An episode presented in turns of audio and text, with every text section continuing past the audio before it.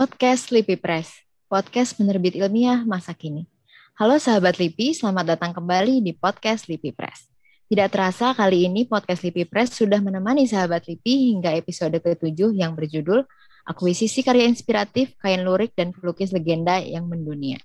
Seperti yang sahabat LIPI sudah ketahui, LIPI telah membuka program akuisisi pengetahuan dan kearifan lokal bagi seluruh masyarakat yang memiliki karya tulis ataupun audiovisual. Nah, di tahun ini setelah melalui tahap seleksi yang cukup panjang, LIPI Press berhasil mendapatkan pemenang-pemenang program akuisisi dengan karyanya yang sangat luar biasa. Seiring dengan hal itu, kami mengundang dua pemenang program akuisisi LIPI 2021 beserta koordinator pelaksana program ini untuk berbagi pengetahuan dan pengalaman bersama sahabat LIPI semua. Baik, pertama-tama kita sambut ada Mas Gravinda Putra Perdana SSN selaku pelaksana program akuisisi LIPI Press. Apa kabar Mas Gravinda? Saya Nadia.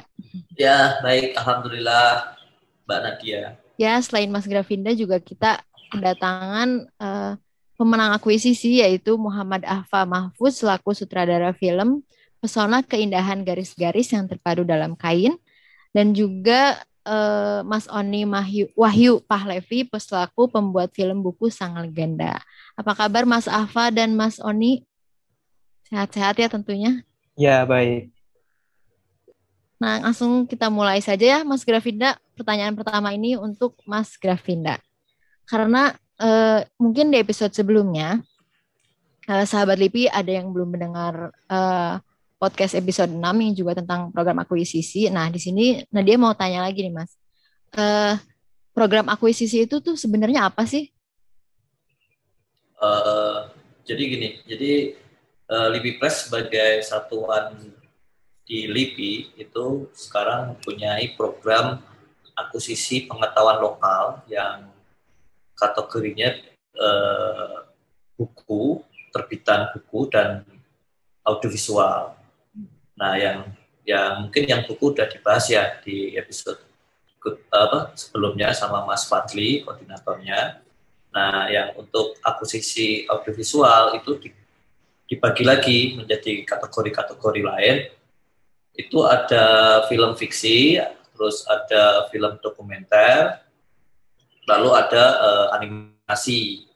Nah, yang apa uh, yang kita akan kita bahas ini kan hasil akuisisi dari uh, tahun pertama, gelombang pertama. Jadi pembukaannya, pembukaan kita menerima karya-karya audiovisual itu setiap tahun, setiap tahun dibuka menjadi tiga, tiga kali tiga kali tahapan. Mungkin informasi lengkapnya nanti bisa dibuka di website websitenya Lipi Press uh, lipipress.lipi.go.id eh .go.id ya atau di Instagramnya Lipi Press di situ nanti ada informasi-informasi terkait apa namanya program akuisisi ini. Nah, pemenang-pemenang akuisisi ini nantinya akan diberikan insentif insentif. Jadi memang bu bukan diakuisisi secara penuh, tetapi sebetulnya karya-karya itu eh, di apa kita himpun lalu kita bantu menyebarluaskan. Jadi LIPI tidak membeli hak penuh atas karya, hak tetap pada kreatornya, hanya kita eh, apa namanya eh, membantu menyebarluaskan. Jadi hanya meminjam hak, hak, hak tayangnya, istilahnya begitu. Oh iya. Berarti untuk info yang lebih lengkapnya bisa dilihat di bisa media sosialnya Lipi Press ya, Mas? Ya, ya. Ada kontak personnya nanti kita uh, bisa tanyalah sama itunya. Iya, iya. Untuk pertanyaan selanjutnya nih, nilai seperti apa sih Mas yang sebenarnya penting dan wajib dimiliki jika misalnya nih sahabat LIPI ini ada yang ingin audiovisualnya untuk masuk ke dalam program akuisisi?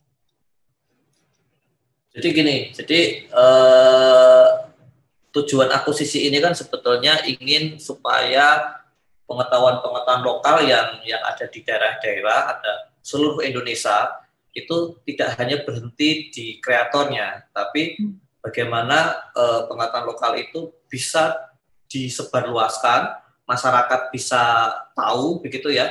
Karena akan sangat disayangkan ketika pengetahuan-pengetahuan lokal itu mereka bikin sebuah karya audiovisual tapi tidak keluar ke mana-mana gitu ya. Jadi uh, intinya adalah poin pentingnya temanya, tema kearifan lokal itu. Untuk untuk gelombang pertama, gelombang mungkin gelombang beberapa gelombang berikutnya itu ada perbaikan dari sisi teknis. Hmm. Tapi untuk saat ini poin-poin uh, yang paling penting adalah bagaimana si kreator bisa menerjemahkan uh, apa namanya topik-topik yang ada di daerahnya itu menjadi sebuah pengetahuan lokal. Jadi pengetahuan lokal itu nggak harus yang yang apa ya yang tentang kesenian, tentang kebudayaan, nggak nggak harus seperti itu. Contohnya saja ini uh, contoh saja film yang akan kita bahas pada sesi ini. Ini filmnya kalau nggak salah tentang uh, apa namanya Mas Oni ya, ini nanti bisa bercerita. Dia hanya unik, cara unik itu topiknya bermula dari sebuah buku. Jadi bisa bisa dari sebuah buku lalu kita mencoba menvisualkan, itu bisa atau hal-hal yang tentang hal-hal yang di sekitar kita, nggak harus nggak harus yang ter terlalu harus kesenian, kebudayaan, harus sesuatu teknologi yang yang seperti apa begitu enggak. Ya, ya. Berarti yang poin pentingnya adalah menunjukkan kearifan lokalnya agar supaya Penget tersebar luas ya Mas. Ya? Pengetahuan ya? lokal ya. Ada hmm. ada unsur pengetahuan lokal yang yang yang, yang menjadi Baik. poin seperti yang dimiliki oleh Mas Oni dan juga Mas Mas Ava ya yang buku ya. Sang Legenda dan Pesona Keindahan Garis-garis yang terpadu dalam kain. Jadi ini ada dua sebetulnya dari dua karya ini uh, ada dua kenapa kita angkat menjadi topik podcast pada hari hmm. ini itu nanti kita akan akan akan kupas dua ini sebetulnya berbeda begitu. Jadi uh, ada dua karakter dokumenter yang berbeda. Ya betul betul. Kalau gitu supaya kita lebih jelas lagi langsung saja uh, kita panggil Mas Oni dan Mas Ahfa ya supaya kita tanya-tanya lebih enak perihal karyanya. Halo Mas Oni dan Mas Ahfa. Halo Mbak Nadia. Ya, halo. Nah, sebelumnya terima kasih ya Mas Gravinda atas jawabannya. Nah, eh, sekarang kita langsung saja ke Mas Oni dan Mas Ahfa sebagai pemenang akuisisi LIPI tahun 2021 ini. Nah, semoga eh, podcast yang sekarang yang akan kita bicarakan dapat menginspirasi sahabat LIPI semua. Untuk pertanyaan pertama nih ya, untuk kayak sebagai pemanasan untuk Mas Oni dan Mas Ahfa, bisa diceritakan nggak sih apa sebenarnya alasan kenapa Mas Oni dan Mas Ahfa ingin mengikuti program akuisisi ini. Dan bagaimana sih rasanya ketika Mas Oni dan Mas Afa mendapatkan pengumuman pengumuman kalau misalnya Mas Oni dan Mas Afa ini menjadi pemenangnya gitu. Mungkin bisa dijawab oleh Mas Oni duluan. Ya, terima kasih pertanyaannya. Uh, alasan saya mengikuti program ini adalah karena saya yakin setiap kreator atau filmmaker itu tentu saja membuat karya dan mereka juga berpikir tentang bagaimana cara mendistribusikan dan mengeksibisikan karya ini uh, agar ditonton sebanyak-banyaknya orang. Dan menurut saya ini adalah media apresiasi yang sangat yang sangat tepat ya LIPI ini dan juga uh, bagaimana kita karya kita diperlakukan baik oleh LIPI gitu. Dan perasaan saya ketika uh, mendapatkan pengumuman saya sebagai salah satu pemenangnya, hmm, kalau ada kata-kata di luar senang dan bahagia mungkin itu yang menggambarkan perasaan saya karena selain memang uh, saya saya saya uh, sangat mengapresiasi media LIPI untuk me, apa ya mengakuisisi sebaik-baiknya karya tentu saja dengan tema-tema yang tadi dijelaskan juga dan tentu saja ini menjadi sebuah wadah baru uh, untuk kita para kreator dan filmmaker agar terus semangat membuat lagi karya-karya selanjutnya gitu sih kalau dari saya senang dan bahagia di luar kata-kata itu ya Mas Sony ya. Iya. Kalau untuk Mas Ahfa sendiri bagaimana nih?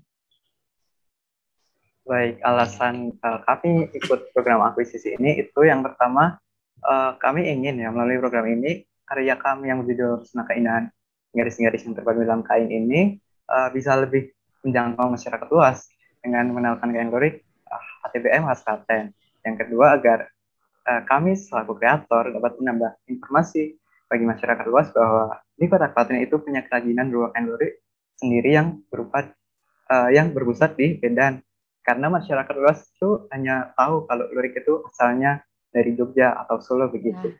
Lalu untuk uh, rasanya sendiri ketika mendapat pengumuman diterimanya itu uh, ya kami bersyukur, senang, bangga dan terkejut juga karena saya kira nggak bakal lolos soalnya pengumumannya itu sudah lewat dari waktu yang ditentukan gitu kan. Lalu kami juga kaget bahwa di daftar yang lolos itu uh, banyak yang lebih ahli gitu dan di bidangnya dan kami waktu itu masih SMA dan di, otomatis kami tidak menyangka dan bangga begitu. Dan Mas Afa juga menjadi pemenang yang termuda ya? Iya. yeah. Selamat kepada Mas Oni dan Mas Afa ya. Untuk pertanyaan selanjutnya nih untuk Mas Oni ya, kita kupas lebih dalam soal uh, isi dari audiovisualnya. Untuk Mas Oni kan membahas buku sang legenda uh, sosok Raden Basuki Abdullah. Nah, di mata Mas Oni sendiri nih, sosok Raden Basuki Abdullah itu seperti apa sih dan kenapa Mas Oni memilih untuk mengangkat uh, filmnya tentang beliau? Um, sosok Raden Basuki Abdullah uh, dan kenapa alasan saya mengangkat tema tentang beliau?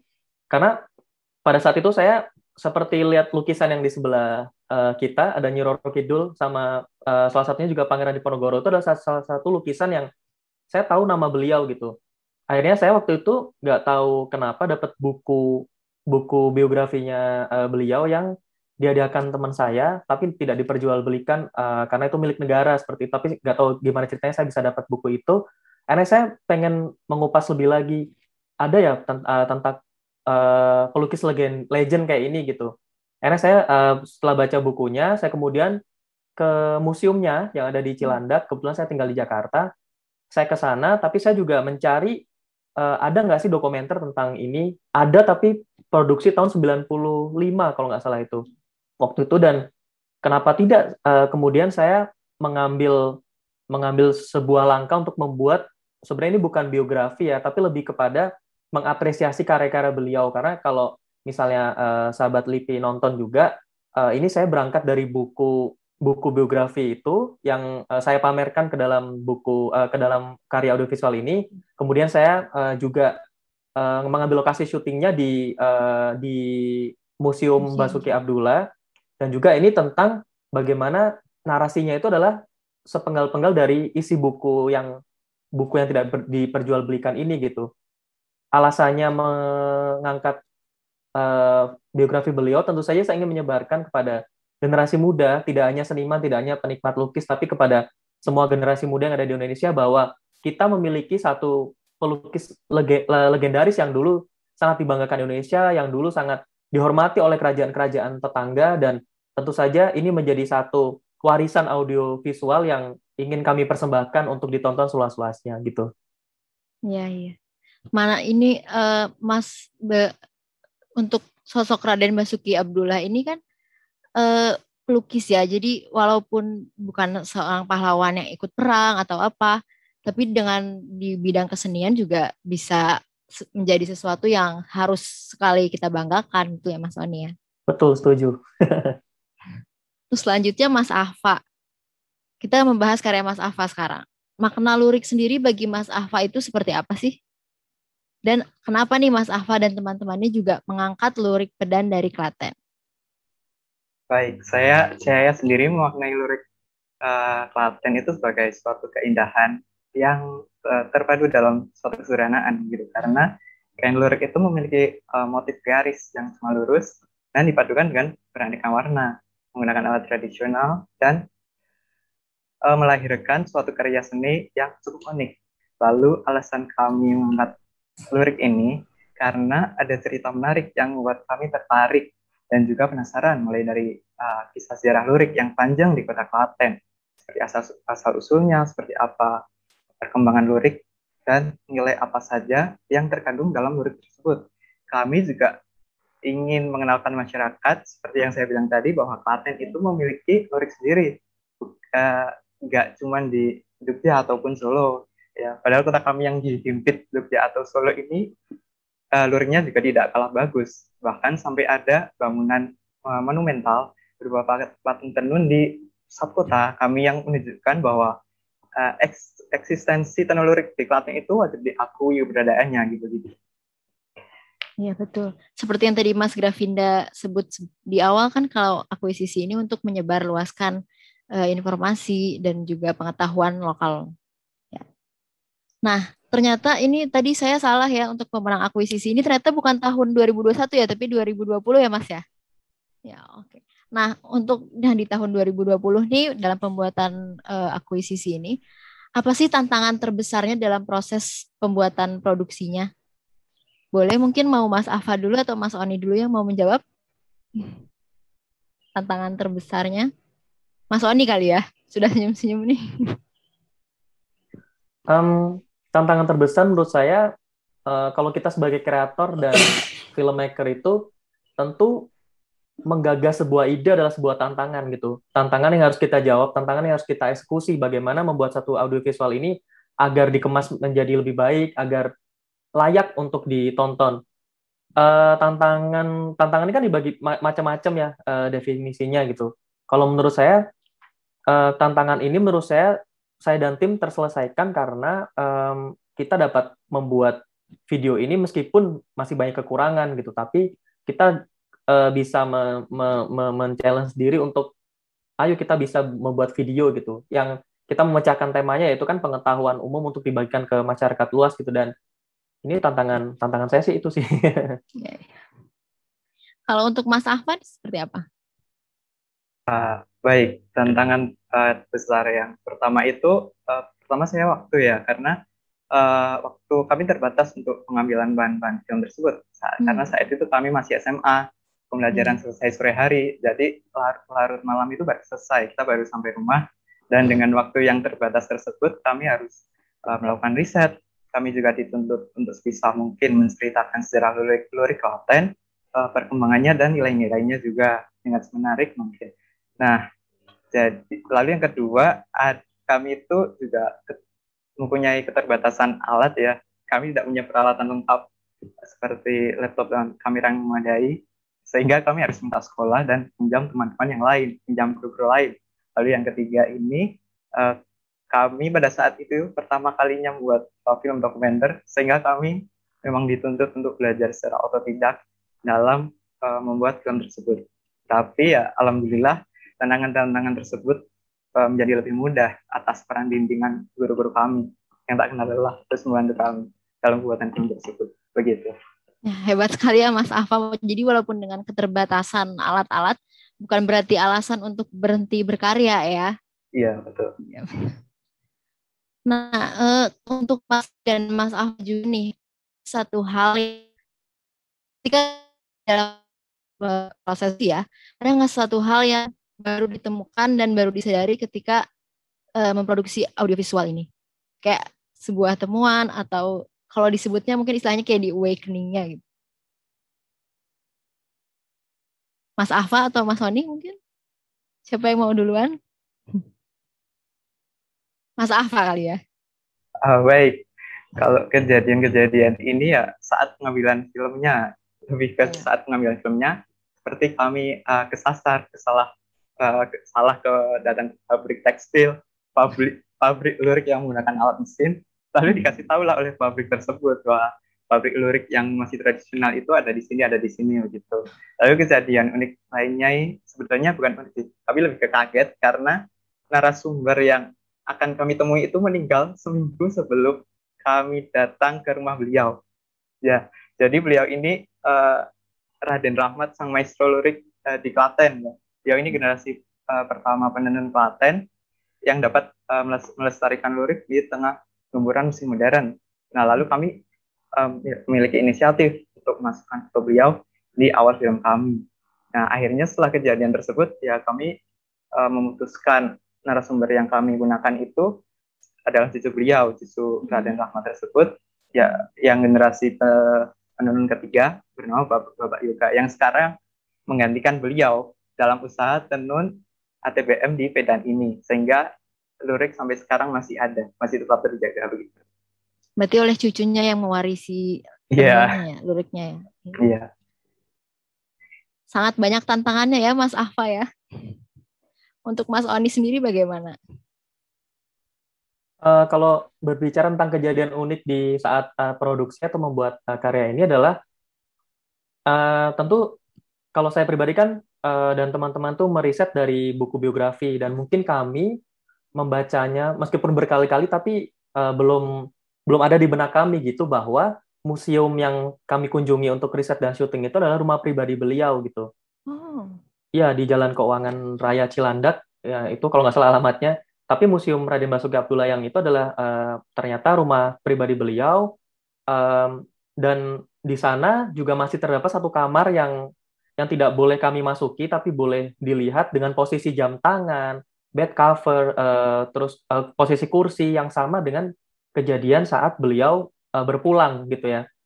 Jadi beliau uh, beliau berpulang dengan uh, tragis di tangan seseorang gitu ya waktu kejadiannya dan uh, itu merupakan kejadian unik. Maksudnya bukan unik-unik secara bagaimana ya, tapi lebih ke kita baru menyadari gitu bahwa berpulangnya sang maestro ini dalam keadaan yang yang kurang kurang baik gitu. Dan mohon maaf kalau di mau kalau uh, kalau saya salah saya dikoreksi rata-rata memang uh, legend itu berpulang uh, di tangan fansnya atau penggemar fanatiknya sih sebe sebetulnya gitu. Itu kejadian yang yang menurut saya uh, sehingga saya dan tim mau diambil nggak ya ini jadi sebuah materi tapi um, uh, setelah kami berdiskusi ya itu itu biar saja menjadi sebuah sejarah yang uh, diakses orang melalui internet atau atau buku biografinya bahkan dan tidak di dan tidak di karya ini gitu. Iya, yeah, iya. Yeah. Karena untuk yang di sini membahas karya-karyanya yang sudah ada ya. Seperti Khusus Franco ya. Betul, betul. Yang melukis uh, Presiden Soekarno pada ya. perangko Indonesia pertama. Nah, uh, karena tadi ternyata pertanyaan terakhir, tapi bukan pertanyaan terakhir, menuju pertanyaan terakhir, uh, ada nggak sih kesan dan pesan yang mau diberikan kepada sahabat LIPI ini? Karena mungkin di sini ada sahabat LIPI yang ingin juga uh, ikut jadi peserta akuisisi? Adakah kesan dan pesan? Atau mungkin tips and trick? Dari Mas Oni, boleh? Ya, um, untuk sahabat LIPI, uh, ini adalah sebuah momen dan dan ini adalah sebuah kesempatan untuk kita gitu. Bagaimana ruang apresiasi ini dibuka sebesar-besarnya untuk kita para kreator atau filmmaker untuk membuat tema. Memang uh, ada batasan tema uh, pengetahuan. Kalau nggak salah temanya uh, seperti itu waktu tahun lalu. Mungkin sekarang juga uh, mengalami perkembangan. Tapi ini adalah sebuah media apresiasi yang mari kita membuat karya sebanyak-banyaknya tentu dengan dengan catatan tema tersebut harus uh, sesuai dan juga dengan catatan karya ini harus didistribusi uh, harus ditonton sebaik-baiknya orang agar bermanfaat gitu. Maka dari itu um, memang kesempatan ini jangan sampai dilewatkan uh, untuk sahabat LIPI dalam memproduksi sebuah karya audiovisual maupun buku. Sebuah kesempatan yang ini ya, yang sangat gemilang gitu ya. betul betul betul. Kalau dari Mas Afa bagaimana nih? Uh, baik, jadi uh, pesan yang dapat saya sampaikan kepada sahabat LIPI yang mau uh, mengikuti program akuisisi ini itu uh, tetap semangat dan tetap mengembangkan kreativitas potensi yang ada di daerahnya masing-masing. Uh, jadi dengan mengikuti program akuisisi ini, kita sebagai kreator itu menjadikan diri kita bermanfaat bagi masyarakat luas dengan memudahkan masyarakat luas untuk dapat mengakses berbagai informasi seputar pengetahuan lokal yang kita buat dan tetap taati protokol kesehatan. Begitu saja. Terima kasih. Terima kasih Mas Oni dan Mas Ahfa, sangat inspiratif sekali ya jawaban-jawabannya. Nah sekarang kita kembali lagi ke Mas Gravinda nih, apa adakah kesan dan pesan untuk sahabat LIPI di luar sana? Oh ya, jadi uh, dari dua karya ini, dari karyanya Mas Oni sama Mas Ahfa ini, kita bisa melihat bahwa pendekatan dokumenter itu sebetulnya banyak, ya kan? Kebanyakan memang pendekatan dokumenter yang kita kenal itu uh, observasional, lalu ekspositori. Nah, ekspositori ini seperti apa? Ekspositori ini seperti pendekatan dokumenter yang digunakan oleh Muhammad Akfa ini untuk membuat dokumenter uh, apa uh, lurik tadi ya, lurik. Sebetulnya pedan itu, Mas Mas Akfa nanti bisa bisa mencoba mengeksplor lagi, terus ikutkan lagi ke uh, apa program akuisisi. Di Pedan itu kalau nggak salah ada namanya pengrajin apa gerabah karena kan saya juga dari Solo ya. Saya sering lewat Pedan Tawas itu sering kalau kalau pulang gitu pasti sering. Nah di situ coba Mas Afan nanti setelah ini ekspor di sana ada sebuah kampung yang semua warganya itu memproduksi sebuah gerabah, gerabah-gerabah tradisional. Itu bisa menjadi pengetahuan lokal juga, pengetahuan lokal juga. Nah, yang unik lagi adalah Mas Oni. Oni ini hanya menemukan sebuah buku, lalu narasinya juga dikutip dari sebuah apa yang ada di buku, ya kan, dengan menambahkan unsur musik, ya kan, lalu potongan-potongan editingnya progresif seperti itu, itu juga bisa. Jadi artinya Artinya teman-teman uh, sahabat LIPI di sini itu uh, berkreasi seluas-luasnya, nggak harus mencari topik-topik yang berat, mulailah dari hal-hal yang di sekeliling kita gitu. Sebetulnya di saya berharap di karyanya Mas Oni ini uh, sedikit mengupas tentang Basuki Abdullah itu seorang pelukis yang melukiskan pahlawan-pahlawan mitos. Jadi sampai sekarang sosok Nyi Roro Kidul itu kita meyakini wajahnya seperti itu, padahal belum tentu seperti itu, karena itu kan hasil imajinasi dari seorang pelukis. Pangeran Diponegoro itu juga nggak seperti itu, bahkan lukisannya eh, Patimura yang kita kenal seperti itu, ada foto aslinya, ternyata Patimura itu wajahnya nggak seperti itu. Jadi apa yang dilukiskan eh, Basuki Abdullah ini sampai sekarang itu sangat melekat wajah pahlawan itu. Nah itu saya berharap ada bahasan sedikit bagaimana uh, sisi me, apa sisi magisnya seorang pelukis ini bisa mempengaruhi mempengaruhi penikmatnya sampai dia meyakini bahwa wajah si Patimura ini seperti itu. Itu harusnya sedikit disisirkan karena saya baca buku itu itu ada ada ada hal ada ada memang uh, bahasan seperti kekuatan uh, seorang pelukis. Saya saya berharapnya kemarin saya begitu lihat ah, harusnya ini harusnya dimasukkan. Kalau memang soal kematian yang karena disatroni maling ya istilahnya gitu kan dipukul sama senjata senjata angin gitu itu mungkin nggak usah karena itu nggak ada nggak ada hubungannya tapi poin itu saya berharapnya masuk gitu ya itu aja sih uh, untuk sarannya jadi nggak harus cari yang susah mulailah dari contohnya dari Mas Ahmad dan Mas Mas Oni ini ya. Berarti dimulailah dari hal yang terdekat dan yang ada di sekitar kita ya Mas Gravinda ya. Ya, betul. Apalagi sekarang uh, sedang memasuki PPKM darurat, jadi tidak perlu yang jauh-jauh, yang dekat-dekat saja dan tetap taat protokol kesehatan ya tentunya. Baiklah, uh, sangat menginspirasi lagi, sangat menginspirasi sekali jawaban Mas Oni, Mas Afa dan juga Mas Gravinda.